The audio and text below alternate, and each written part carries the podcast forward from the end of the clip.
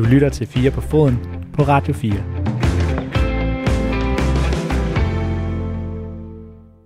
Velkommen til anden time af 4 på foden.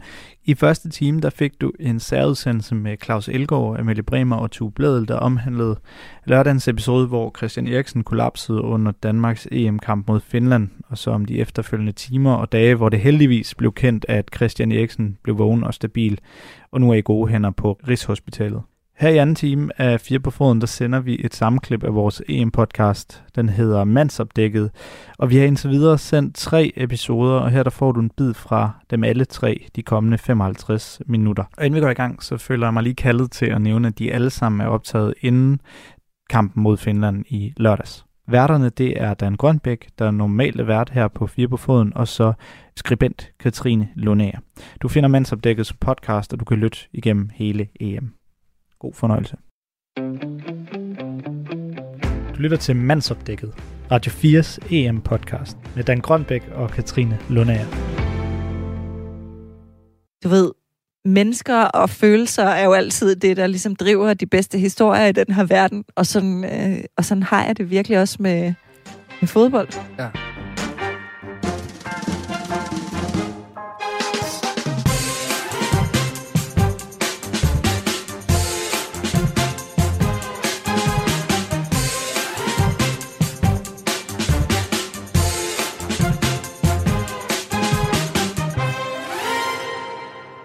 I min hånd her, øh, der har jeg en øh, Panini-bog.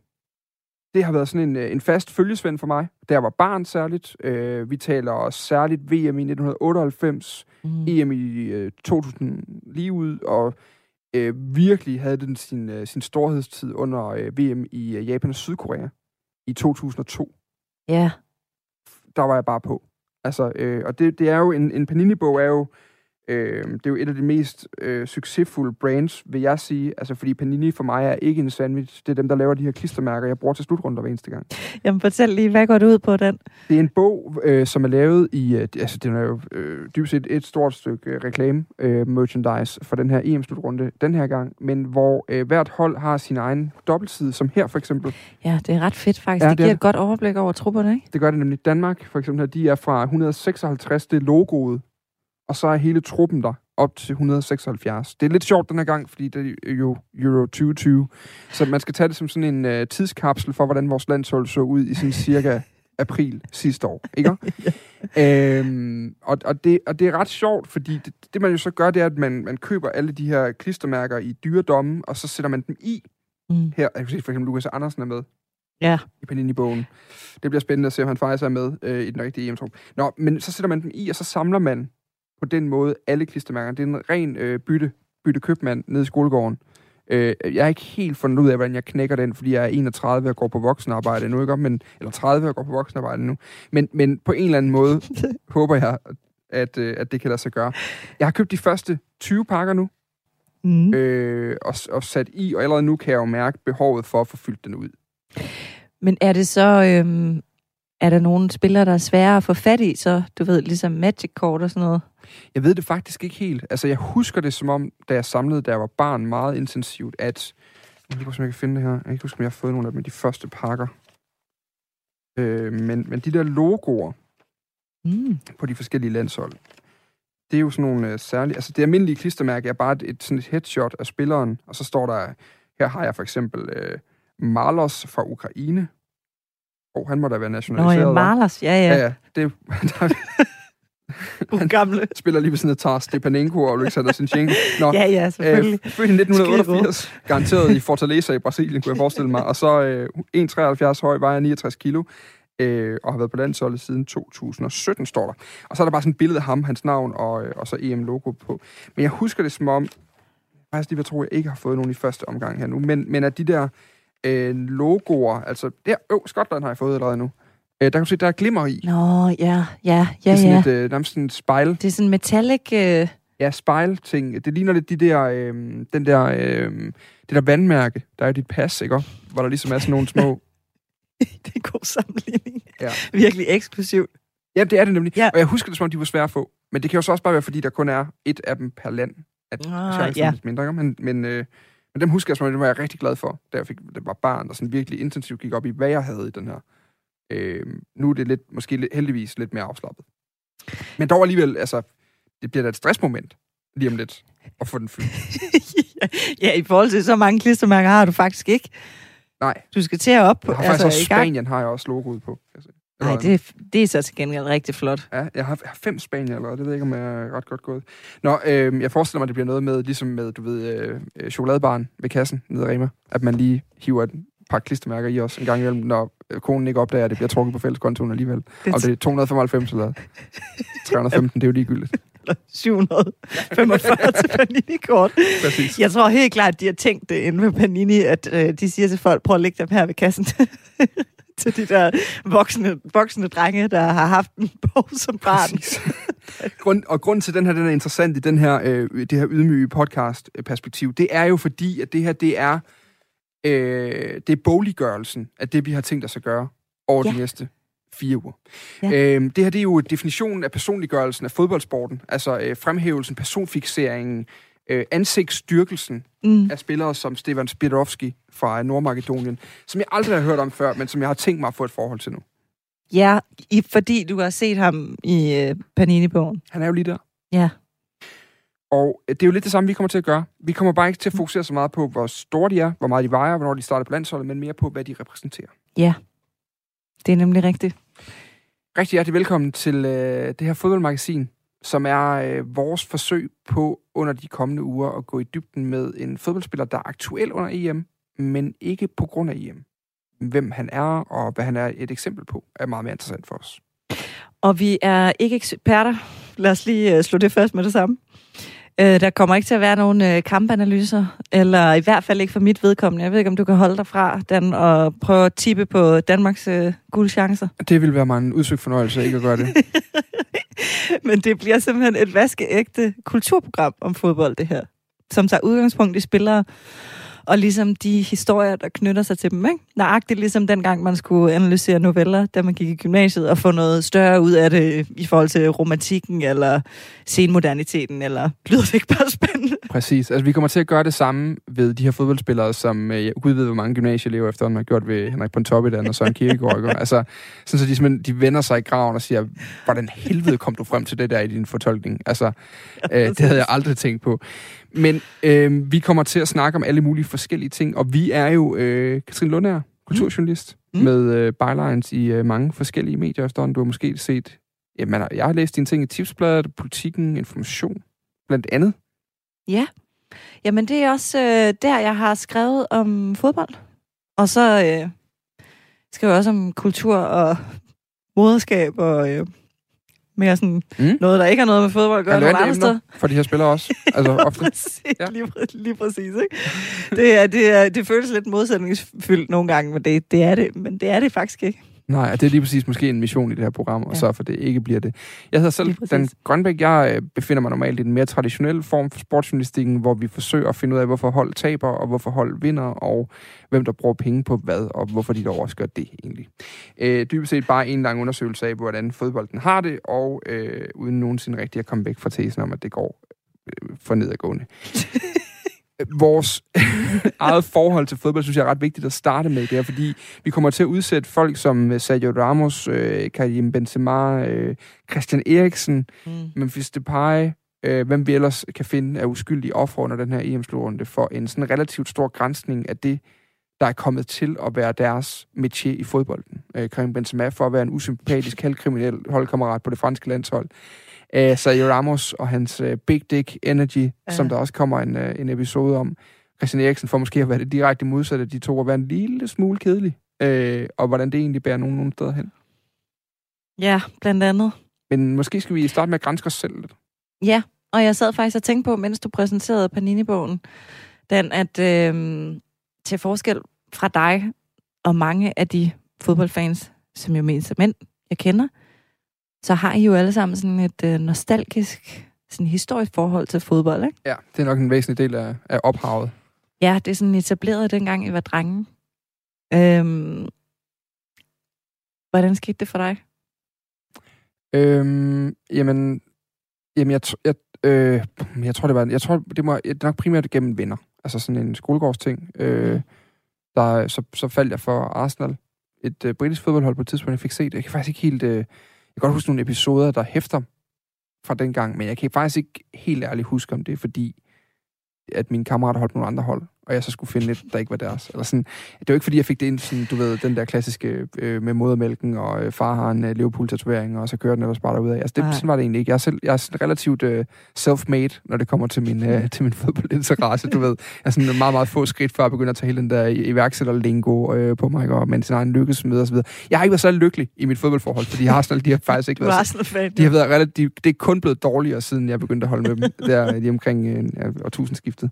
Men, men hvordan kom du så ind i, ind i fodbold? Fordi for mig der er det jo så bare fortsat, og så har det jo så skiftet bølge lidt op og ned i forhold til min livsperiode. Altså i gymnasiet, hvor man går op i Oasis og, øh, og, og litteratur for at score pigerne, der var fodbold ikke et stort hit, og så er det faktisk kommet tilbage til mig her nu, efter jeg er blevet voksen og fået børn, der er det ligesom blevet en, en, en fjernsynsting for mig, og værdien af at gå på stadion er lige pludselig blevet vigtig igen. Hvordan, hvordan dukkede det så op hos dig?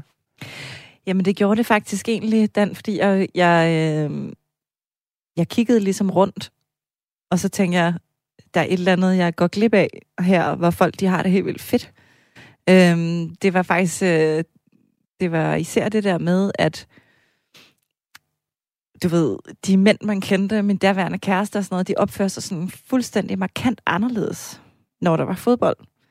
Øh, var sådan ekstremt emotionelle og... Øh, du ved, var fysiske, var fysiske over på hinanden. Og sådan. Så jeg tror egentlig, sådan, det, var, det var det, der ligesom fik mig til at... Ja, nu det, det lød sådan lidt... Sådan den indestængte driftmand, der hopper ud af jakkesættet ja, i weekenden præcis. og pludselig krammer. Og lige ja. præcis, krammer, ikke? Øhm, og, øh, og så begyndte jeg bare, og så tænkte jeg sådan, jeg, jeg prøver skulle lige at se på det her, og så, så blogger jeg så om det undervejs på, på tipsbladet, om hvordan det så var at være sådan totalt udforstående Øhm, og også et andet køn jo, end den verden ligesom er mest befolket af, ikke?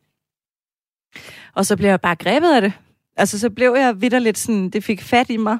Og på det tidspunkt, det, så, det var måske sådan 2008-2009, der var Barcelona verdens bedste fodboldhold. Og så blev det ligesom dem, jeg landede på. Og nu, jeg kan se, at du allerede sidder og tænker sådan, åh, hold kæft, en opportunist og sådan noget. Ikke? Jeg, bare, jeg, jeg har bare, så meget røg for det. Ja, jeg sidder bare og tænker, det er, jo, det er jo lidt med det der med at vælge fodboldhold, som det nogle gange er med, med aktier. Man skal jo aldrig købe, når de er på toppen, vel? Nej.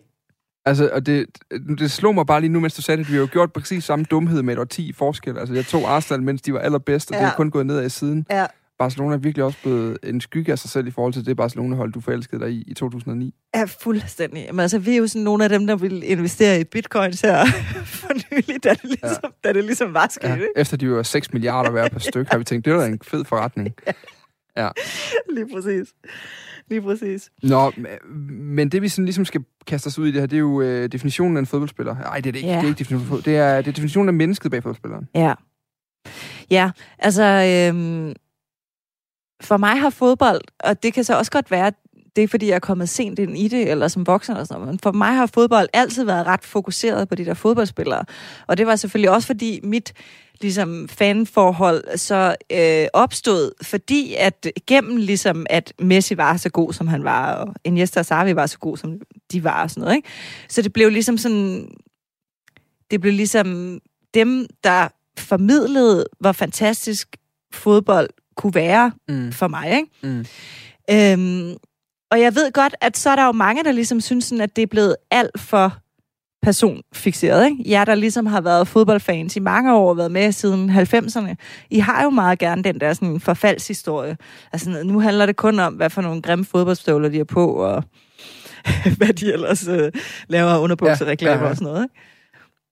Men det, og det er jo sjovt, fordi det bliver jo sådan en det bliver en forfladelse af fodboldkulturen på en eller anden måde. Altså, at man også definerer det ned til det. Fordi der er ikke nogen tvivl om fodbolden i sig selv, altså fodbold som, som disciplin og som spil og som øh, håndværk og underholdningsobjekt øh, i sig selv, mm. er entydigt blevet bedre. Totalt. Fodbolden er kun blevet bedre. Underholdningsværdien er jo steget med... Den er blevet professionaliseret, ja. og den er blevet... Øh, altså, de, spillerne min, min 100% påstand vil være, at spillerne i dag vil altså på, på næsten hvilket som helst tidspunkt smadre spillere fra 70'erne eller 80'erne eller 90'erne. 100%. Altså fordi de, de bare er gennemtrænet og gennemprofessionelle, og øh, også i den grad er et produkt af en videnskabelig udvikling på fodboldområdet. Altså både øh, teoretisk, men også øh, sådan helt sundhedsvidenskabelige og sådan nogle ting. Ikke? Ja. Men, men, øh, men det er jo alt det andet, der gør fodbolden interessant, Ja. som måske ikke er gået frem. Ja. Så det kan godt være, at du har nogle racerbiler, der kører hurtigere end nogensinde før, men vi synes bare ikke, det er sjovt at se på dem. Nej, det er måske egentlig et meget sjovt billede.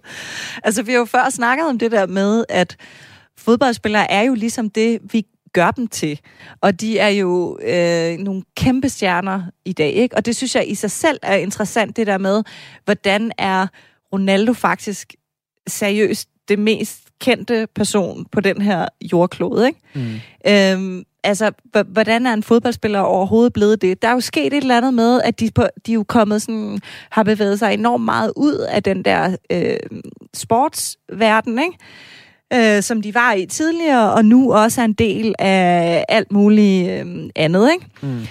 Og øh, det er der jo også en masse penge i, og øh, det driver jo selvfølgelig en rigtig stor del af værket. Men øh, og jeg kan sagtens forholde mig kritisk til det også, ikke? men jeg synes bare, at det der med at undersøge det som et kulturfænomen, det synes jeg faktisk, vi snakker alt for lidt om.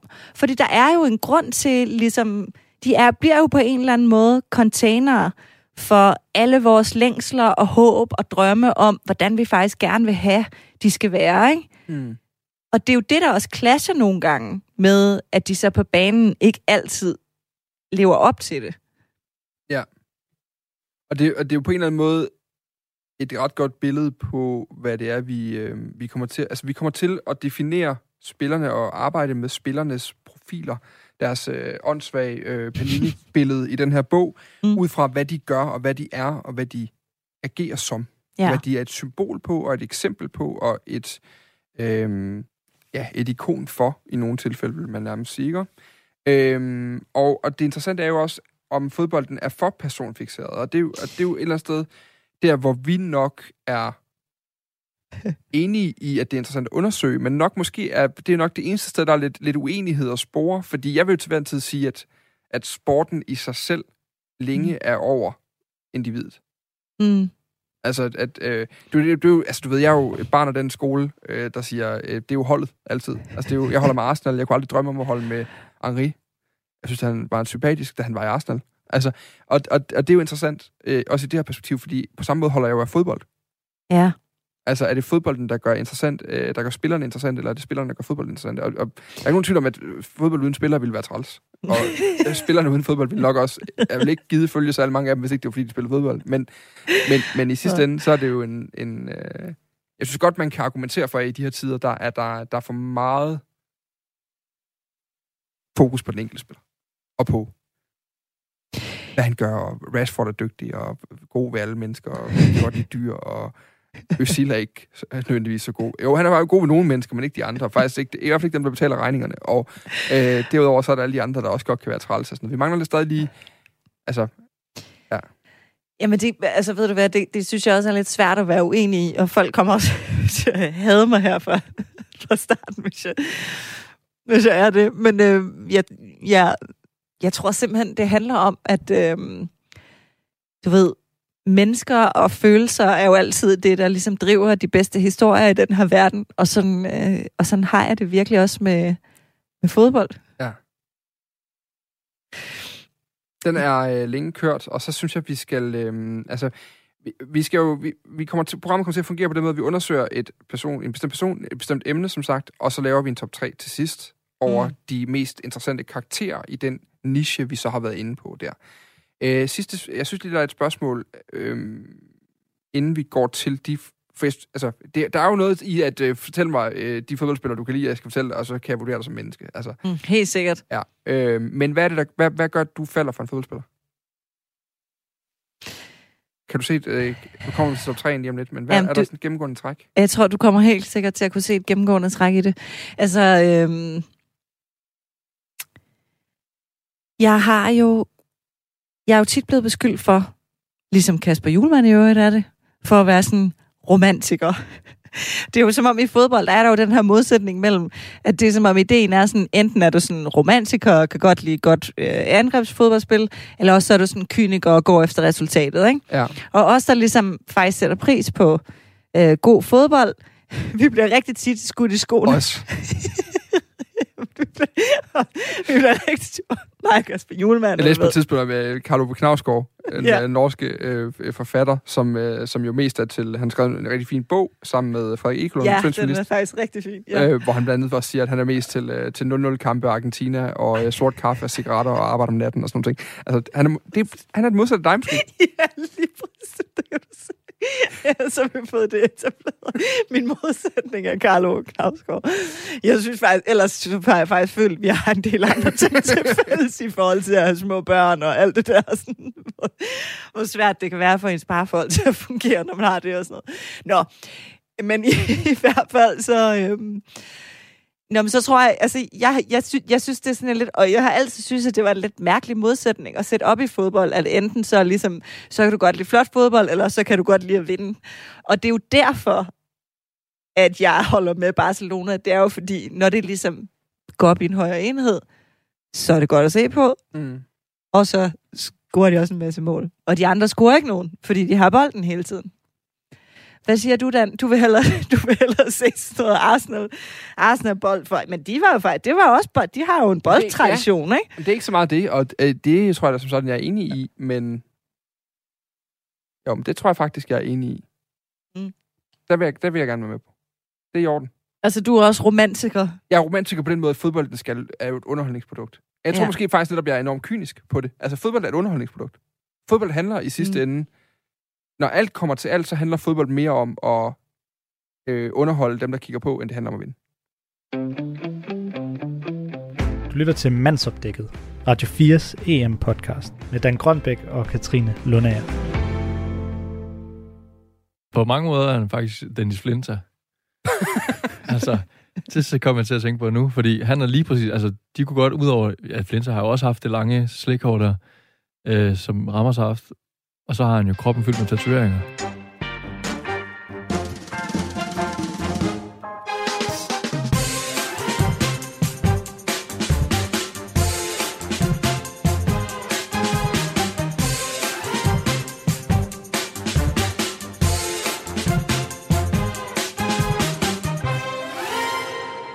Rigtig hjertelig velkommen til. Øh, det er jo det her lille program, hvor vi, øh, hvor vi kæmper os helt ned i øh, fodboldtendenser ud fra øh, fodboldspillere og insisterer på, at øh, mennesker er øh, nu engang det mest interessante i fodbold. Det er dem, der spiller fodbolden og er fodbolden og ser fodbolden, og derfor så er det også dem, vi fokuserer på i stedet for øh, øh, guldchancer og alt muligt andet pjat under den her øh, slutrunde. Øh, vi skal snakke om øh, Sergio Ramos i dag. Jeg synes lige, vi skal starte med sådan lidt, lidt, lidt, lidt bio på, hvem han egentlig er. Altså, det er jo øh, åbenlyst Real Madrids anfører, Mm. Øh, Real Madrids øh, dygtigste forsvarsspiller vil jeg også stadigvæk argumentere for, sådan fra et fodboldfagligt synspunkt. Øh, en central person i nogle af de bedste fodboldhold, jeg kan huske, jeg har set i den tid, jeg har fulgt fodbold. Særligt det spanske landshold henover. De havde jo den der fantastiske streak, hvor de først vinder EM, så VM, og så Mm. EM igen. Øh, og der var han også helt central. Måske er det meget god øh, overgang til netop, hvad det er, vi, han repræsenterer for os, Katrine. Ja, lige når til at snakke om Big Dick Energy. Jeg ja. siger det igen. For det på. Vi skal have det sagt så mange gange, det er pinligt. Ja, at sige lige præcis. Ja. Ja, altså der findes jo ikke øh, noget rigtig dansk ord for det. Så vi må blive ved med at sige det på den måde. Ja. Det fungerer ikke helt Hvad er det? ellers. Big Dick Energy. Ja, hvad er det? Altså, øh, for mig handler det om, tror jeg, primært to ting. At have rigtig meget selvtillid, eller i hvert fald lade som om, altså bluff dig igennem. Du skal ligesom tro på, at du kan det her. Du skal tro på, at du øhm, har den takling, inden du går ind i den, ikke? Og det er derfor, Ramos jo også er et rigtig godt eksempel på det.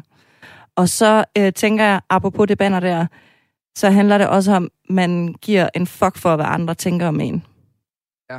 Og det er jo øh, også øh, meget Ramos, øh, meget konkret Ramos, fordi han har jo faktisk en tatovering i nakken, som man jo kan se nu, hvor han er øh, korthåret, som er et hjerte, og så er der en dolk igennem, og så har det vinger, og så står der, en løve mister ikke søvn over, hvad forne tænker.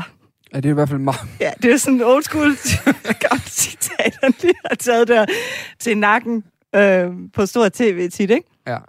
Ja, nemt at forstå. Virkelig nemt afkodeligt. Ja. Ja. Altså, og, alene det, at du øh, antager, altså laver hele løve for referencen, alene der, altså det, Ja, præcis. det er svært. Præcis. Ja. Men, men han har, altså, øh, hvad hedder det, han har jo tatoveringer af ulve og en løve og øh, en kriger med et øh, svær og øh, en økse. Meget øh, fallers Mm. øh, big dick energy. Så jeg ved ikke, om Ramos kender begrebet, men han er virkelig det begreb. Han, han, for mig, der ligger der en andet vigtigt element. Altså, der er Ja. selvtilliden, der er, øh, der er den der... Øh, øh, der er den der udadvendthed i sin selvtillid også, at man, at man ligesom, den er et aktiv for dig, hvor altså, man er ikke bare selvsikker. Det er, det er selvtillid ud over det hele på en eller anden måde, ofte mm. i hvert Mhm. fald. Men der ligger jo også noget i forhold til noget intimidering i det. Ja, Altså, det er i hvert fald det, der ofte kommer til udtryk på fodboldbanen, synes jeg, når jeg ser de her spillere, når jeg tænker, wow, der er en, der ikke er nervøs for at vise, hvad han har der. Altså, at, altså som er fysisk også, ikke? som, eller hvad? som kan være fysisk. Jeg bilder, altså, ja, det, er jo, det er jo en af de her spørgsmål, hvor man altid sådan, som fodboldjournalist kan komme i klemme, fordi man bliver bedt om at forholde sig til noget, der foregår på en fodboldbane. Og jeg tror, at der er noget, jeg er blevet klog på efter halvandet år, hvor jeg har dækket fodbold intens, så det, jeg aner faktisk ikke rigtigt, hvad der foregår på en fodboldbane. Altså, jeg, jeg kan se meget af, hvad der foregår, men der foregår også virkelig meget, jeg aldrig kommer til at forstå, fordi det var ikke en del af adfærdskodexet, da jeg spillede CS6 på Fyn. Ikke, der var ikke nogen, der hedder Big Dick Energy. Åh, måske lidt, men, men der er bare mange dynamikker i en professionel verden, tror jeg, hvor- jeg bare har opdaget, og det, det har jeg ikke den forståelse for. Jeg synes, jeg siger til folk omkring mig, jeg har, når jeg sidder og ser fodbolddame. Så altså dagens program i dag, Big Dick Energy, øh, intimidering på fodboldbanen, og øh, Sergio Ramos som eksempel på det.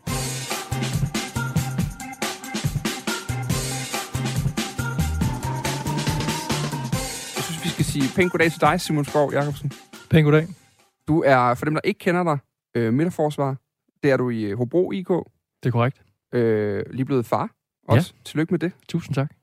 Og, øh, og har jo, øh, hvis jeg skal prøve at beskrive dit øh, spil, du kan lige rette mig lige om lidt, for det gør mm. Mhm. du apropos de der ting, vi tror, vi ved, når vi står Jamen, jeg glæder mig til at høre, hvordan Ja. du analyserer min spillestil. Ja, øh, du, er jo ikke, du er jo ikke nødvendigvis den hurtigste på holdet. Det er korrekt. Øh, du er det, man på et CS6-hold vil sige, du er ordentligt skur. Altså, der er, der er noget fysik på drengen, og derfor er, det ofte der, man ender i midterforsvaret selvfølgelig, fordi det er en, en fysisk disciplin på fodboldbanen. Og så er du, øh, du, du er en klog spiller, vil jeg nok sige, både i forhold til, at øh, man, når man hører dig øh, reflektere over det, du laver, du spiller blandt andet med et øh, sådan beskyttelsesbånd øh, omkring hovedet på grund af øh, jernrystelser, mm. Øh, eller for, for at undgå dem. Øh, men også, man ser dig meget kommunikere, når du snakker, eller når du er på spiller, at du snakker meget med dine medspillere, og med dem foran dig, og med målmænd og sådan noget. Det er normalt et, et tegn på, at der er noget, at det ligesom er en af forserne, at man er nødt til også at snakke sig frem til nogle ting øh, på banen. Så jeg vil sige, en, øh, en intelligent fodboldspiller, øh, som har god duelstyrke. Det synes jeg er en god beskrivelse, og jeg er glad for din beskrivelse. Øhm, det er, du har jo helt ret i det der med, at øh, jeg er bestemt ikke særlig hurtig, øh, og det bliver jo ikke bedre med alderen. Jeg er blevet 30, øh, og det, så nærmer jeg mig den sådan sidste del af min fodboldkarriere. Øh, og øh, det kan jeg jo godt mærke, at, øh, at det, det ikke er hurtigheden, jeg skal, jeg skal bruge, øh, og det har det øh, heller aldrig været.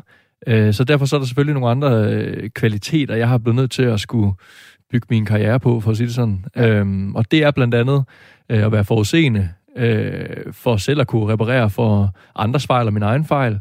Øh, og så er det lige præcis det der med at kommunikere. Det er noget, jeg virkelig har arbejdet med øh, siden en, øh, en ung alder. Øh, og også noget, der altid har ligget naturligt til mig. Jeg har altid været øh, anførtypen. Jeg har øh, lige fra ungdomsårene og egentlig en ret tidlig alder på, på seniorholdet, øh, var jeg en, en ledende skikkelse. Øh, så som min tidligere træner Peter Sørensen, han også øh, helt klart gjorde, gjorde klart for mig tit, jamen prøv at, en af dine vigtigste opgaver, det er at sørge for, at du ikke kommer til at se dum ud. Fordi når du ikke har så meget fart, så kan du komme til at se dum ud over for nogle af de der lynhurtige angriber. Mm. Og ved at, den bedste måde at undgå det på, det er at få dine medspillere rundt omkring dig til at stå ordentligt så de tager det, inden det kommer ned til dig. Så, så kommunikationen til midtbanen, til min medstopper og til min bak ved siden af mig og sådan noget, det, det er altafgørende for, at jeg spiller en god kamp. Nå, øh, men, men det her med Big Dick Energy og Sergio Ramos, altså øh, sådan... øh, Hvad, hvad er Big Dick Energy for dig? Altså, øh, fordi nu har vi prøvet at beskrive, hvad vi sådan tænker om det som begreb. og hvad vores Mm. oplæg egentlig var til at skulle snakke om det ud fra, fra den gode Sergio. Mm. Hvad tænker du? Jamen, jeg, jeg synes, øh, det er nogle, øh, nogle rammende pointer, og jeg, sådan, i, i fodboldsammenhæng, så, så er det jo det der med, at, øh, at der virkelig, inden en kamp i omklædningsrummet, der bliver jo råbt og skrejet og bliver pumpet, altså stemningen bliver pumpet op, og man står nærmest og skubber til hinanden, og for, for at få den der energi frem, som jo mange øh, mener er fuldstændig afgørende for, at man kan få en god øh, start på kampen. Jeg er ikke sådan helt enig hele vejen igennem, men, men det, det er bare blevet sådan, det er. Øh, og der tror jeg meget af den der big dick energy ligger. Jeg tror, der er mange, der tænker, at jamen, vi skal først og fremmest ud og smadre modstanderen. Altså, vi, hvis, hvis vi sætter os fuldstændig igennem øh, fysisk, hvis vi vinder vores første dueller, jamen så har, vi, så har vi fået en rigtig god start, og så må spillet komme derfra, og det, det er også øh, rigtig langt hen ad vejen. Og så er der så selvfølgelig mange måder, man kan gøre det på. Man kan gøre det ved at øh, være rigtig svinsk. Det tror jeg, jeg tænker er en dårlig idé, fordi så kan det være, at man selv får en dårlig start på kampen og ikke kan spille længere. Øh, man kan gøre det ved at være øh, verbal svinsk. Altså, det er der også rigtig mange, der bruger ved at øh, svine sine direkte modstandere til at gå hele tiden og sige sådan nogle forskellige ting. Og så er der nogen, der måske pumper sig selv bedst op, og det, det er jeg er. Altså, det er ved at, at pumpe sine holdkammerater op, og hele tiden snakke til dem, hele tiden øh, være positivt stemt over for dem, og gejle dem op. Øh, det er måske min form for big dick energy. Den kommer ud i, i, i øh, højlydt øh, kommunikation, primært til mine øh, holdkammerater, og primært øh, med en med en positiv undertone, fordi det, det tror jeg rykker mest, men det kan vel også være en form for big dick energy.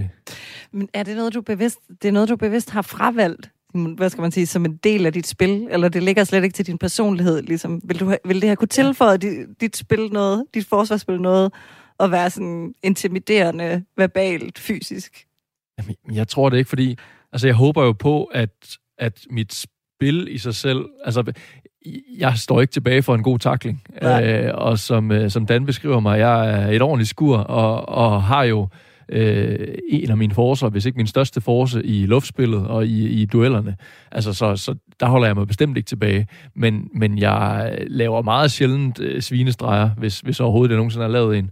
Øh, og øh, jeg kunne aldrig drømme om at kalde mine direkte modspillere alt muligt. Øh, altså, det, det, det ligger så fjern for mig, og jeg kan ikke se, hvad det skulle give for mig. Altså, når jeg spiller over for en angriber, og han kan vende sig rundt og øh, kalde mig et eller andet, øh, så, øh, øh, så, så griner jeg bare af ham. Altså, det er jo ikke noget, det er jo ikke noget, der rammer mig overhovedet. Jeg synes bare, han er sjov, eller en idiot, eller et eller andet, og så spiller jeg videre derfra.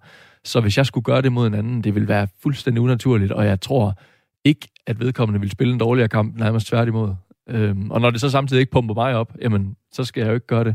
Jeg kan jo godt forstå dem, der gør det, hvis det pumper dem selv op, og de føler, at de spiller en bedre kamp af det.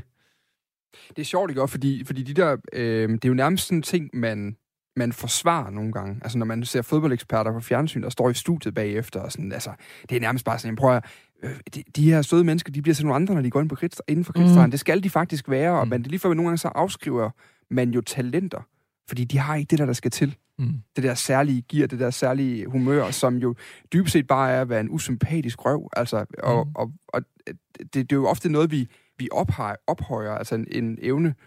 Ja, det, det bliver, det bliver Mm. tit lidt forvekslet med vindergen, tror jeg. Ja. Altså, den der vindermentalitet, jamen, så skal man være et røvhul. Altså, så skal man øh, øh, være pisse sur og sparke til vandflasker, når man har tabt, eller, eller man skal øh, kalde modstanderen et eller andet, fordi man er helt oppe i det røde felt, og øh, Nikolaj, Paul, Nikolaj Poulsen og skal svine et eller andet efter, man selv har lavet en svinestreg. Altså, altså sådan noget. Ja. Så, er man, så, er man, så er man en vinder, når man gør det. Ja. Altså, det, det, det, det synes jeg ikke nødvendigvis, man er. Altså, vi, kender, vi, vi har, jeg vil, jeg, vil, jeg vil komme med den påstand, vi alle sammen i vores øh, bekendtskabsgruppe har den her øh, ven, som er meget overbevis om et bestemt synspunkt. Mm. som er meget, meget, meget, meget sikker, øh, formodentlig også vel f- funderet i sin holdning til det her, og som står meget fast. Altså, hvor der ikke er noget kompromissøgen på nogen måde. Mm. Og jeg kan godt have en fornemmelse af, når jeg sætter mig ind i sådan en debat, jeg er virkelig sådan en vælsindet type. Altså, jeg er virkelig, altså, hvis jeg, jeg er meget Arsenal-fan, og jeg er ret sikker på, at hvis jeg sad på det rigtige sted, på det rigtige tidspunkt, med en rigtig Tottenham-kamp kørende, så kunne folk godt overbevise mig om, at Tottenham var et dejligt fodboldhold. Og så ville jeg sidde i kort øjeblik og tænke, nå, det gud, det er godt, jeg skal have en Tottenham-trøje, indtil det slog mig, nå nej, du er jo Arsenal-fan. Altså, men, men det interessante er bare det der med, sådan, at, jeg, at, at jeg kan godt mærke, at jeg, jeg kan godt, jeg kan godt sådan falde lidt over mod den der... Øh, Big Dick Energy. Altså den der sådan meget stålsatte, øh, sikre, fuldstændig urokkelige holdning til noget. Øh, hvor, jeg, hvor jeg nogle gange har tænkt, det er, jo, det er jo dybest set en eller anden form for intimidering, der foregår mm. der, at man... Fordi det er heller ikke altid, jeg tænker, argumenterne nødvendigvis, det overbeviser mig. Det kan jo også bare være stemningen, eller den måde, det bliver sagt på, eller nå, det har du godt nok tænkt længe over det der, det, det kan da godt være, du har fat i det, eller sådan. Det må da også betyde noget på fodboldbanen. Altså i det øjeblik, du går ind og skal spille... Du kender Albers. Han er en Mm. flink fyr. Ja, ude på banen. Det, Ja. det er så en ting. Men noget andet er, at du lige pludselig står over for en... Uden at rydde, som sagt, at kende dem, men de her mere hårde angriber, en Kamil Vilcek, som mm. Er kendt for at gå til stålet, Mm. og ikke, ikke øh, sky særlig mange midler. Vi havde tidligere folk, som... Øh, øh, der var en, øh, hvad hedder han, i, i OB, en, en afrikansk angriber, de havde i en øh, årrække, der lavede rigtig mange mål i Superligaen. En Utaka hed han. Mm. Der var Miti, der er de her øh, traditionelle angriber, som også bare er nogle ordentlige røve, når de kommer ind i, ind i hovedet på dig. Ja. Altså, kan det ikke være intimiderende nogle gange at kigge på dem, og så bare vide, altså, alene deres presence er bare, jeg flytter mig lige her. Altså sådan, Altså, jeg vil sige, det er jo noget, øh, det er noget, jeg... øh, Altså, som jeg, jo ældre jeg er blevet, jo flere Superliga og første divisionskampe kampe, jeg har spillet, øh, jo mere selvtillid har jeg også fået, og øh, men lad os bare bruge, bruge udtrykket, mere big dick energy har jeg måske fået. øh, fordi så man jeg, sidder jo- der med sit, med sit pæne over sine runde briller, der, det er sindssygt godt, den måde, det bliver sagt. fordi, fordi jeg jo så har fundet ud af, at jeg kan være med, og jeg kan spille op mod de her angriber, og, øh, og, og der ved jeg jo, at når der kommer sådan et øh, en, en kæmpe angriber, der spiller hårdt, jamen dem er jeg sgu bedre imod, end hvis der kommer en Jeppe Kjær-type, eller en, en anden, som er halvanden meter høj, og øh, lynhammerne hurtig. Altså, ham kan jeg jo ikke fange. Så jeg vil hellere spille mod de store. Men jeg vil så også sige, jeg tror, jeg har nok været 20, øhm, har ikke spillet ret mange kampe for Silkeborg endnu, og der skal jeg starte inde i parken, og skal spille direkte over hos Damendøje i hans storhedstid i FC København. Mm. Altså, der stod jeg der, og når jeg havde fat i ham og holdt ham om øh, brystkassen i en eller anden duel, og sådan noget, altså, det var som at stå med sådan en øh, bag til sten, et eller andet, altså det var helt vanvittigt. Altså der tænkte jeg, hold da kæft, jeg skal lige have nogle øh, år på banen, før jeg sådan for alvor kan være med her, fordi det, det, det var altså, det var noget andet end det, jeg har spillet mod i U19-ligaen, og, og hvad det ellers, jeg, jeg har haft af kampe. Altså, der blev jeg intimideret, helt sikkert. Hvad, Øhm, hvad betyder den så for dit spil, den der intimidering? Øh, jamen, ikke så meget andet, end at, end at, end at jeg tænker, at jeg må gøre mit bedste, men, men, men, men måske underbevidst kan det jo godt være, at jeg holder, mig, holder lidt igen i nogle situationer, fordi jeg er bange for at blive, blive øh, smadret, eller et eller andet, eller at han kan øh, vende af på mig rigtig let, hvis jeg går for hårdt til ham, fordi jeg tænker, nu skal jeg æde med med mm. Altså, det, det kan godt være underbevidst, men nu er det også efterhånden 10 år siden, så jeg har ikke lige helt frisk i men, øh, men øh, det, altså, det kan jo helt godt... Jeg, jeg tror, at der er en pointe i, at, øh, at man som yngre måske bliver intimideret lidt mere af de der typer. Hvad synes du, hvordan har du det med Sergio Ramos? Simon? Lidt blandet. Ja. Øhm, altså, jeg, jeg synes, hvis man kigger udelukkende på hans øh, fodboldspil, øh, så kan man ikke komme udenom, at han er en af de bedste øh, forsvarsspillere øh, nogensinde. Altså, det, det, det vil jeg sige. Men øh, som I også er, er inde på i, i introduktionen af ham, de røde kort der gør simpelthen, at han kan ikke komme helt op i en top 3, top 5, et eller andet for mig over de bedste nogensinde, fordi det er for mange gange, han har tabt hovedet. Altså, det, det, det, det, øh, det står jeg af på, at, at man skal have så mange røde kort i, i en karriere. Jeg troede faktisk, det var flere end det, du nævnte, men altså, det er jo helt vanvittigt, så mange han har fået. Øh, omvendt så har han lavet sindssygt mange mål, og der var jo en periode, hvor man tænkte, jamen, hvis Real Madrid øh, kun øh, havde 1-1 eller et eller andet, jamen, så scorede sig Joe Ramos jo bare til sidst. Om det var på straffespark, eller om det var på hovedstedet efter et hjørnespark, jamen, han skulle nok dukke op og sende dem videre. Øh, så han, er jo, han har jo haft kæmpe impact på både Real Madrids hold og, øh, og Spaniens landshold, og han har vundet uendelig mange titler, så altså fantastisk spiller. Men jeg vil også bare sige, er der ikke også... Jeg tror ikke også, vi har det ekstra besværligt med Big Dick Energy, og det synes jeg faktisk er positivt, men sådan, der er noget udansk over det, er det ikke? Jeg tror ikke, vi har det ekstra besværligt med Helt det i klart. Danmark. Helt klart. Altså, jeg, er i hvert fald sådan, jeg kan i hvert fald mærke, sådan, min jyske opvækst øh, spiller nogle gange ind i forhold til det der med, at man også synes, de er nogle brallerøv, ikke? Mm. Jamen, det er da, det er da, hvis jeg sådan skal tænke på alle de spillere, jeg har spillet sammen med i min karriere. øh, Jeg har kun været i to klubber, men jeg har virkelig spillet sammen med mange forskellige. Altså, der er det da helt klart de udenlandske spillere, Ja. der stikker ud på sådan, øh, hvad hedder sådan noget, øh, star factor, eller hvad fanden man skal Mm. kalde det. Øh, altså den der, øh, øh, det handler om mig, og det er min karriere. Jeg skal frem, altså Marvin Poirier, som, som jeg spillede sammen med i Silkeborg, han var en kæmpe egoist. Altså han var en fremragende fodboldspiller, men en kæmpe egoist, og det handlede om, øh, altså han udtalte jo selv også, øh, jeg ved ikke, om det var til os eller til et interview, altså, men jeg er jo ikke her for at få venner, altså jeg er jo for at, at komme videre i min fodboldkarriere, og det er jo også fair nok. Det er bare sådan lidt, okay, øh, vi er også et hold, skal vi også lige huske, og vi er endda et bundhold. Øh, vi lever ret meget af, at vi skal være et sammentømret gruppe og et hold for at få nogle point.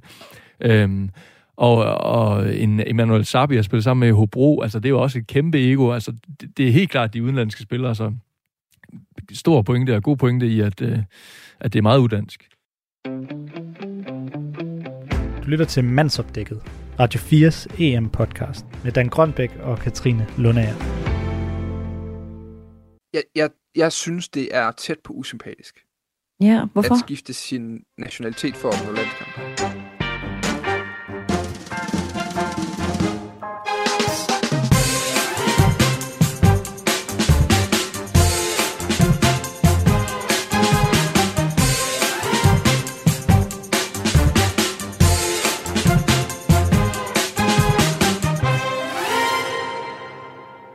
Katrine, du skal øh, møde en fyr nu. Øh, han hedder Marlos. Ja. Øh, Marlos her, han er øh, ukrainer. Altså sådan helt klassisk, du ved ikke, med øh, sådan lysebrun, solbrændt hud, øh, korttrimmet skæg, mørkt, men faktisk lidt halvgråt, bølget hår. Øh, født i den øh, kendte ukrainske storby, øh, Chau José de Pinhais, og med en øh, sådan enormt traditionel ukrainsk flair for øh, flamboyante driblinger og satsede finter og sirlig boldkontrol og sådan noget. Ganske som vi Soundtrack. kender det. Ja, helt klassisk østeuropæisk fodboldspiller, ikke? Øhm, og São José, er, er, det, er selvfølgelig, det er selvfølgelig bare sjov blade det her, fordi São José de Pinhais er selvfølgelig en by i Brasilien. Øh, og Marlos, han spillede ikke en eneste af sine barndomskampe i øh, Donetsk, Kiev eller Kharkiv. Øh, tværtimod så spillede han i øh, klubben med Curitiba i det øh, sydøstlige Brasilien. Øh, så så skifter han så til øh, Shakhtar Donetsk, som alle brasilianere, der ikke er gode nok til at spille i Real Madrid, jo gør. Altså, de flytter til urinfodbold af en eller anden grund. Mm. Øh, og så har, da han har været der i noget tid, så bliver han simpelthen nationaliseret. Altså får et ukrainsk statsborgerskab, og i dag der har han altså spillet øh, 17-18 landskampe for Ukraine. Ja. Det er helt igennem sjovt. ja, det er faktisk, jeg, jeg, prøver, her, jeg prøver at forstå det, du ved, sådan, tænk på Marlos og Ukraine. Det går man skal virkelig gå ind og finde... Vi er tilbage ved de der tagger-videoer, der ligger på YouTube af fodboldspillere, ikke? hvor man kan gå ind og så søge, og så får man sådan et, øh, et øh, halv, halvløgner-agtigt øh, resume af en spiller. Øh, og der kan man finde sådan nogle tagger-videoer med ham her Marlos her, hvor der er de 4,5 minuts øh, lirede finter, og så kan man helt sikkert ikke se, hvor komplet udulig han har været i alle defensive løb i resten af kampene. Men, men altså, øh, han er virkelig sådan en brasiliansk fodboldspiller med stort B, altså sådan, du ved, virkelig øh, fuld swag på driblingerne, og øh, garanteret ingen arbejdsindsats tilbage i banen. Øh, men, men han er altså Øh, han er altså nu ukrainer, stiller op for det her ukrainske landshold. Øh, der er ligesom, hvis man kigger på Ruslands landshold, så har de også en målmand, der hedder Jill Herm. Det lyder heller ikke enormt russisk. Øh, de har også en højreback, der hedder Mario Fernandes, som også er øh, brasilianer, øh, og som så har fået et russisk statsborgerskab, efter at have spillet i, i Rusland i en årrække. Og det er jo sådan et, et jeg ved ikke, om det er ikke sådan, sådan et nyt et fænomen, det er måske et fænomen, der er lidt oppe i tiden, det her med at skifte statsborgerskab. Fordi de enkelte fodboldforbund er jo faktisk begyndt at være ret aggressive. Altså, at de sådan ligesom har snørene ude for at se, hvad har vi af ungdomsspillere, Mm. som egentlig bor i andre lande, spiller i andre lande, men som har en eller anden, hvad fanden ved jeg, dansk fætter, øh, onkel, kone, øh, kammerats nabo, som måske engang har gået på Herlufsholm, og derfor så kan de få lov til at stille op for Danmark, ikke? Øh, Mm. og det, og det, er jo det, der ligesom er det interessante i de her år, det er, at man virkelig har nettet ude, ikke bare på klubniveau, men faktisk også på landsholdsniveau, for at finde de dygtigste spillere, som kunne have et eller andet bare øh, 3% leve på i sig, så de kunne få lov til at stille op i rødt og ikke? Altså, det er faktisk begyndt at mime klubfodbolden mere og mere, eller hvad? Det, det der det, system. vil, det vil, ja, det kan man vel godt argumentere for. Og derfor så skal vi i dag fokusere på nationaliserede spillere. Ja, Altså spillere, der skifter deres landshold, og egentlig også deres statsborgerskab ud, for at kunne spille på et andet fodboldhold. Ja, det er meget spændende, altså fordi øhm, det kommer jo til at handle rigtig meget om, hvad et landshold er, og hvad en national identitet og sådan noget er så, ikke? Fordi en af de grunde til, at det er helt vildt mærkeligt, det der med ham Marlers, det er jo også fordi Brasilien og Ukraine, altså kan man finde to lande, man forbinder med noget så forskelligt, ikke? Altså det, det handler jo også om de der fortællinger, vi sådan har om landene og deres fodboldspillere. Men jeg vil sige, jeg har faktisk altid synes, det var lidt sjovt, da nogle af de der Champions League-gruppespillede, hvor Shakhtar Donetsk jo tit har været med, hvor man så nogle af de der brasil- brasilianere, der, hvor de der skulle spille kampene sådan noget klokken 6, i stedet for klokken 9, ikke? fordi der bare er sygt pissekoldt, ikke? Sådan minus 20 ja. grader, hvor jeg virkelig har modret mig over og nogle af de der brasilianere i, øh, i trøje og handsker og sådan noget. Man kan bare se, hvor lidt de trives i det klima. Ja. Jamen forestil dig også, at du, altså, man forestiller sig at står, fordi talentmassen er så massiv i Brasilien. Altså, der er så psyko mange gode fodboldspillere i det Ja. land. Altså, øh, at man forestiller sig ved at alle de her, alle de her meget talentfulde fodboldspillere skal til udlandet, de stiller sig op på en række, og så, så kommer der ligesom nogen og vælger, du ved, sådan en eller anden form for øh, øh, gud, eller sådan sankt et eller andet, der får lov til at bestemme, hvor de skal hen. Og så siger han sådan, du ved, kigger på den her liste her, der clipboard, og siger, øh, Evander, du skal til Midtjylland. Okay, Puh, okay, fint nok, det tager vi. Øh, Vinicius, du skal til Real Madrid. Ej, super fedt, mand. Pis godt. Real Madrid har jeg altid ønsket mig. Neymar, Barcelona. Åh, oh, yes, mand. Barcelona, Messi. Jeg bliver skide gode venner med dem. Alt bliver fedt. Og så forestiller man, at han på tidspunkt har sagt, Marlos, ja, herover, yes, mega fed. Du skal til Kiev. Hvad? For... Jeg kan godt se ansigtsudtrykket. Det øjeblik, hvor Marlos han har siddet på, jeg tror det er Sao Paulo, han bliver solgt fra til, til Metalist Kharkiv på det tidspunkt, som ikke engang er Dynamo Kiev eller Shakhtar Donetsk. Det er Metalist Kharkiv i Ukraine, ikke? Og jeg forestiller mig, at han har siddet der, for, altså, der er kommet en sms fra præsidenten, sådan, jo, uh, Marlos, kom lige op forbi kontoret, der er kommet et mega fedt bud. Så kommer han op forbi kontoret, så finder han ud af, at det der bud der, det er kommet fra en eller anden oliemilliardær, der bor et sted, hvor der er 20 frostgrader. Altså, og han har bare tænkt, det er løgn, det her. Og så kan du så spole frem til 10 år senere, hvor han lige pludselig står og ser rigtig glad ud på sådan et rigtig, rigtig virkelig blok-europæisk, øh, østeuropæisk billede, hvor han Ja. bare står og smiler ved siden af sådan et øh, helt afbladet pas.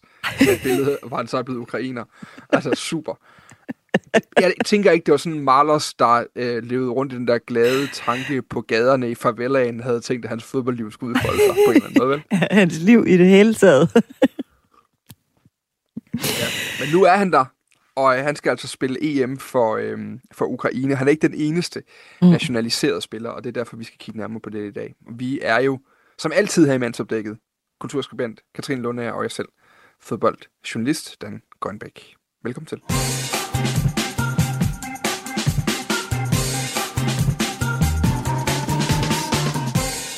Nå, hvorfor er det interessant det her, Katrine? Altså, hvorfor er det egentlig... Øh, altså, fra et fodboldmæssigt perspektiv er det interessant, fordi man prøver at bygge nogle hold op om... Altså, man kan ligesom sådan pick and choose lidt på samme måde, som man kan i klubfodbold, og finde de rigtige spillere til, det, til holdet. Øh, men hvor... Altså, øh, når, når du nu er inde på det her med nationalfølelse og sådan noget, Mm. hvad er det med det og, og fodbold for dig? Jamen, jeg tror, øh, det har enormt meget at gøre med egentlig, hvad slutrunder de er. Øh, det der med, at vi, øh, vi har så mange fortællinger, vi binder til de her hold, der er med, ikke? Øh, som du også nævner før med Jonathan Wilson der, med Eng- de der store hold, England og Brasilien og Italien. Altså, for vi ligesom, vi har de der fortællinger om det defensive og halvgamle Italien og det der ordentlige Tyskland og sådan noget, ikke? Og så nogle gange, så bliver det jo endda udfordret. Altså, sådan har det jo så været med Tysklands fodbold i nogle år, ikke? Fordi man altid har tænkt, at det var skide kedeligt, og det bare gik ud på at, at vinde. Og, men det, det var øh, nederen at se på. Og det har det jo Mm. så slet ikke været med hele Joachim Löws øh, hold de der år, hvor de var skide gode, ikke? Øh, det samme har jeg været konfronteret med til noget VM, fordi jeg egentlig er ret glad for det argentinske landshold, for jeg synes, de har så mange gode spillere. Og så øhm, og virkelig gode angrebsspillere, altså gode boldspillere. Og så indimellem har det jo bare været sådan øh, vildt nederen at se på, og argentinsk fodbold kan jo være ret defensivt og sådan noget. Så jeg synes, det der møde mellem, hvad er det egentlig for ligesom nogle nationale identiteter, vi ligger i fodboldhold, og så hvad er det så også, der ligesom indimellem sker i virkeligheden? Det betyder jo enormt meget ved en slutrunde. Men tror du, spillerne ligger så meget national identitet i det? Altså, vi, vi kender jo den, den klassiske historie om den her øh, multimillionære spiller for Premier League, der simpelthen nærmest ikke, altså, øh, eller de multimillionære spillere for Premier League, som nærmest altså, sådan falder over hinanden i kampen for at fortælle, hvor, hvor meget landsholdet betyder i deres i øvrigt fuldstændig pompøse hverdag, ikke? Øhm, og og, og det, man kan jo ikke undgå at tænke nogle gange, om, om det nu også er rigtigt. Altså, om, altså, men sådan, hvis man virkelig skal være kynisk, altså om det betyder nok. Vi havde jo den der landsholdskonflikt herhjemme også, hvor, hvor det var noget med noget bonusordninger, og hvem der havde image rights, og alt sådan noget Nå, der på ja. landsholdet, hvor man tænker, Ja. hvor meget betyder det så egentlig at trække den der nationaltrøje i forhold, altså er der en eller anden form for difference mellem, hvad det reelt betyder, og det I siger, det betyder i de der interviews, når I højt besynger, hvad det betyder at være på landsholdet, øh, egentlig. Ja, det er jo faktisk et virkelig godt spørgsmål, den. Altså, jeg tror i hvert fald, det betyder rigtig meget at sige det. Altså, du ved, jeg tror, at øh, det, det, det er rigtig vigtigt som landsholdsspiller over for sin befolkning og tilkendegive tydeligvis, at det betyder enormt meget for dem. Altså, det kan da godt være, at det sådan måske egentlig i lidt højere grad er en mediestrategi. Altså, det ved jeg ikke. Men der er jo også nogle spillere, som man virkelig sådan... Ja, det ved jeg sgu ikke lige, hvem man kan komme på for det danske landshold. Daniel Akker, vel sådan... Det tror jeg, at han har været enormt glad for at spille på landsholdet. Er Simon Kjær ikke også det? Eller hvad tænker Jo, du? det- Tror du det ikke, de er ret jo, glade for det, det de jeg. danske drenge der? Jo, det tror jeg. Det tror jeg. Der må også være nogle spillere, altså man kan godt... Altså, man kan sige sådan som Martin Braithwaite er vel også meget glad for at spille på landsholdet, for det er hans bedste chance Ja. for at få lov til at spille fodbold, ikke? Altså, øhm, men, øh, men jeg t- jamen, jo, men jamen, der, er, der er jo helt sikkert, man kan jo se på nogle af de her spillere, det betyder noget. Christian Eriksen har også altid været god på landsholdet, Mm. selv i hans dårlige perioder i klubben. Ja. Altså, der har han fungeret godt på landsholdet, og det ser man jo også af og til. Altså, spillere, som fungerer vildt godt, øh, lige så snart de er inde i, nationaldragten, og kan nogle helt andre ting, end de kan til daglig på deres, deres klubhold, ikke? fordi det er nogle andre kontekster, og nogle andre måder, de er sat sammen på. Og, og i Arsenal-perspektiv er der jo en spiller som Granit Xhaka, øh, som vi Nå, stødte ja. på med Danmark et par gange, der spiller for Schweiz. Øh, som i øvrigt også er en af de her spillere, som, kunne, som har flere forskellige statsborgerskaber og kunne have øh, har forsøgt at skifte landshold på et tidspunkt i hvert fald. Men, men øh, det kommer vi tilbage til. Altså, han, han, han er jo en helt anden spiller, når man ser ham for Schweiz med nummer 10 på ryggen, end han når man ser ham i Arsenal. Altså, hvor han er lidt mere defensivt orienteret. På Schweiz, der er han jo sådan en, nærmest sådan en offensiv midtbane-dynamo, altså som, som sparker mere på mål, end han klirer bolde væk ned i forsvaret. Ja. Men, men Dan, hvad er... Øhm, altså nu vi så snakker om det her med national identitet, Mm. Og- de der fortællinger, der så med det hører sig ved de forskellige landshold. Hvad er det danske ja. Landshold egentlig for dig? Altså, hvad forbinder du det med? Øh, det er en, det er en, øh, det er en genopstanden øh, kærlighed på en eller anden måde, tror jeg. Ja. Altså fordi, som barn var det det største for mig. Det var at se landskampe med min far. Altså det var ligesom der, vi kunne... Øh, øh, det, altså, selv hvis man ikke gik så meget op i fodbold, så, så kunne man se landskampe. Vi kender altså de der typer, der ikke gider at se fodbold normalt, eller håndbold normalt, og, og så når der er slutrunder, så følger de jo med alligevel. Fordi jeg tror, man nemmere bliver grebet af et landshold, end man bliver et klubhold. ja, Også fordi for udefrakommende, når man skal forklare dem, at man går rigtig meget op i en sport, hvor det dybest set den eneste regel, der rigtig gælder i fodbold, udover offside, som endda er kommet lidt i tvivl hen efter var opstået. Altså, men, men den eneste regel, der rigtig gælder ud over offside, det er jo, at, at dem, de rigeste vinder altid i klubfodbold. ja. I hvert fald over tid, der vinder de mest. Og, og det er jo svært at forklare en, der aldrig har gået op i sport før, at de skal gå op i en sport, hvor, hvor det dybest set er mere interessant, hvad der foregår uden for banen end på banen, hvis du skal finde ud af, hvem der vinder kampene. Så, så, og det er landsholdet jo stadig rimelig fritaget for, fordi selvfølgelig kan du investere i talentudvikling i et land, og nogle lande investerer mere end andre, og er dygtigere til det end andre, og derved får de bedre landshold. Men, men i sidste ende, så handler det jo om, at dit, dit hold er defineret af den befolkningsgruppe, du nu har Mm. på en eller anden måde. Altså, øh, og det er så er evigt fascinerende, at Island lige pludselig kan have et sindssygt godt landshold. Ja, Øh, hvor de nærmest har, altså du ved, der er jo nærmest en fodboldspiller for hver femte menneske, der er på Island, ikke? Altså, øh, hvor Kina, der jo har, altså, jeg ved ikke, 45 milliarder mennesker at vælge imellem, eller sådan noget, de kan ikke finde 11, der kan gøre sig gældende ved et VM. Nej. Altså, det, det, det er jo som udgangspunkt enormt interessant, fordi det handler så meget om traditioner og kultur og alt muligt andet, ikke? Ja, og man er ligesom, altså, man er ligesom stok med det, man har, ikke? Altså, man må arbejde med det, der er, og ikke, ja. det er der ikke nogen øh, russiske oliemilliardær, der kan gøre noget ved.